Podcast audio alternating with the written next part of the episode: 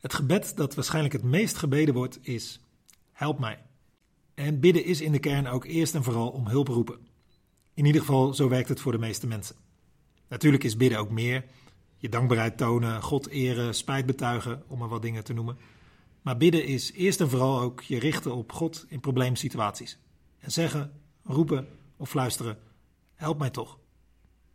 Daar is niks mis mee en daar hoeven we ook niet minderwaardig over te doen. Alsof goed bidden betekent dat je mooi moet bidden of uitgebreid of dat het een fraaie opbouw moet hebben. Of dat je verzoeken toch wel op zijn minst omlijst moeten worden met de nodige dankbaarheid of eer aan God. De psalmen laten zien dat het zo niet werkt. Bidden is vaak genoeg gewoon met de deur in huis vallen bij God en roepen om hulp. Zo ook Psalm 28. Welkom bij de Noorderlicht Rotterdam podcast.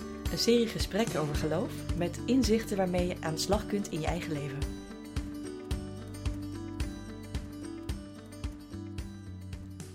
Van David. U Heer roep ik aan. Mijn rots houdt u niet doof. Als u blijft zwijgen, word ik een dode met de doden in het graf. Hoor mijn smeekbeden als ik u om hulp roep, als ik mijn handen ophef naar het hart van uw heiligdom. Ruk mij niet weg met de kwaadwilligen, met hen die onrecht doen, die hun vrienden vrede wensen, maar hun hart zinnen op kwaad.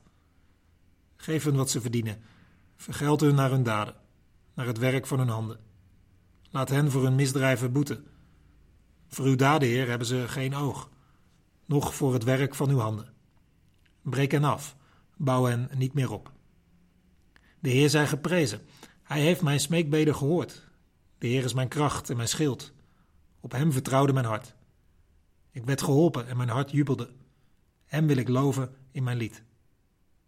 De Heer is de kracht van zijn volk, een burcht van redding voor zijn gezalfde.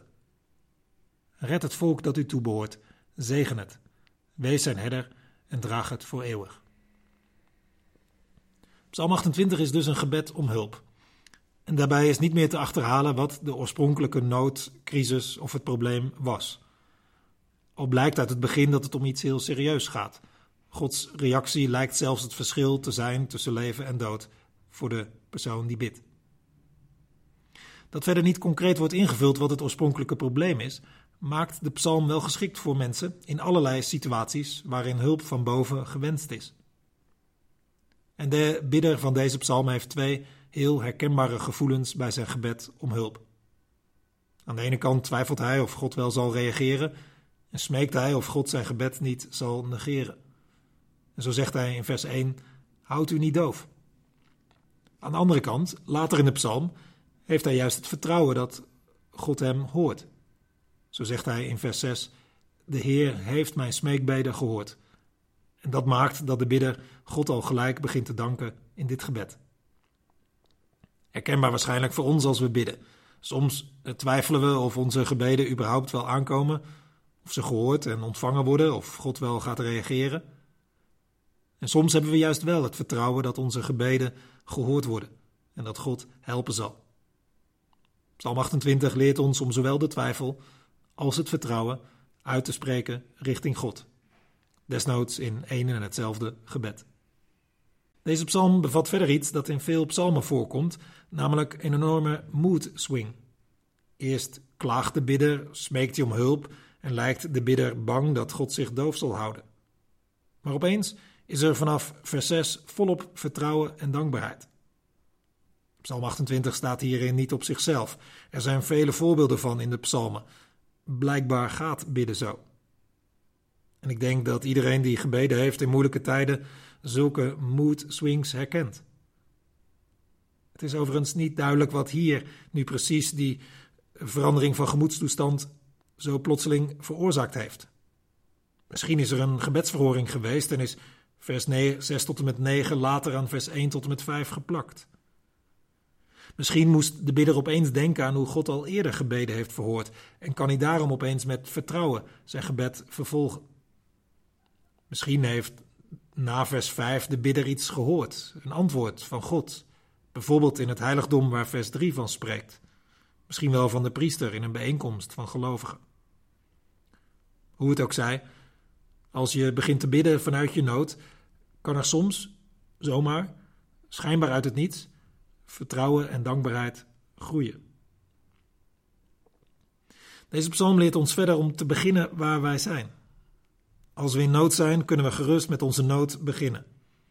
Zoals we ook prima met dankzegging kunnen beginnen als we veel reden tot dankbaarheid hebben. Er is in bidden geen voorgeschreven volgorde. We kunnen beginnen waar we zijn, omdat God wil beginnen waar wij zijn. Als we nog wat verder kijken naar deze psalm, dan zien we dat in het hart van deze psalm, vers 4 en 5, gespeeld wordt met de woorden daden en het werk van de handen. Op de achtergrond speelt een tegenstelling die je vaak in de psalmen tegenkomt. Een tegenstelling tussen de rechtvaardige aan de ene kant en de onrechtvaardige aan de andere kant. De onrechtvaardigen worden hier de kwaadwilligen genoemd. En hun hypocriete gedrag wordt aan het licht gebracht. Dat ze wel spreken van vrede, maar van binnen zinnen ze op kwaad. Zelfs richting hun eigen vrienden. De bidder van Psalm 28 vraagt dan of God hen wil vergelden naar hun daden, naar het werk van hun handen. Oftewel, hij bidt dat ze zullen krijgen wat ze verdienen. Hier tegenover doet de bidder een beroep op Gods daden, het werk van zijn handen. Daar hadden de kwaadwilligen geen oog voor. Hij wel. En hij vertrouwt erop dat die daden van God hem zullen redden. Want rechtvaardig zijn in de psalmen betekent namelijk niet dat je jezelf foutloos acht of volmaakt. Maar wel dat je aan Gods kant staat, bij zijn volk hoort en wil leven naar zijn bedoelingen. En de bidder doet in deze psalm dan ook geen beroep op zijn eigen keurigheid of eigen staat van dienst, maar hij doet een beroep op Gods staat van dienst. Hij zegt dan ook in vers 8: De Heer is de kracht van zijn volk.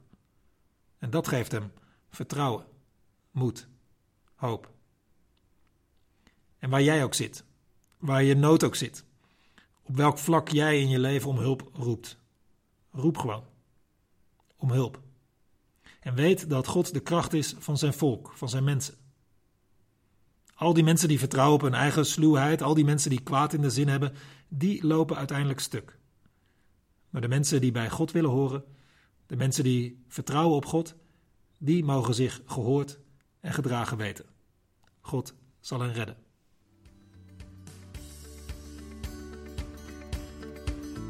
Bedankt dat je luisterde naar de Noorderlicht Rotterdam podcast. We hopen dat je er iets aan had deze keer. Je kunt alle afleveringen beluisteren via Spotify, YouTube, Apple Podcasts, Google Podcasts en natuurlijk via www.noorderlichtrotterdam.nl. Heb je een verzoek voor een onderwerp of heb je een suggestie voor een gast in de podcast? Stuur dan een mailtje naar podcast.noorderlichtrotterdam.nl of vertel het ons via Twitter. Tot de volgende keer!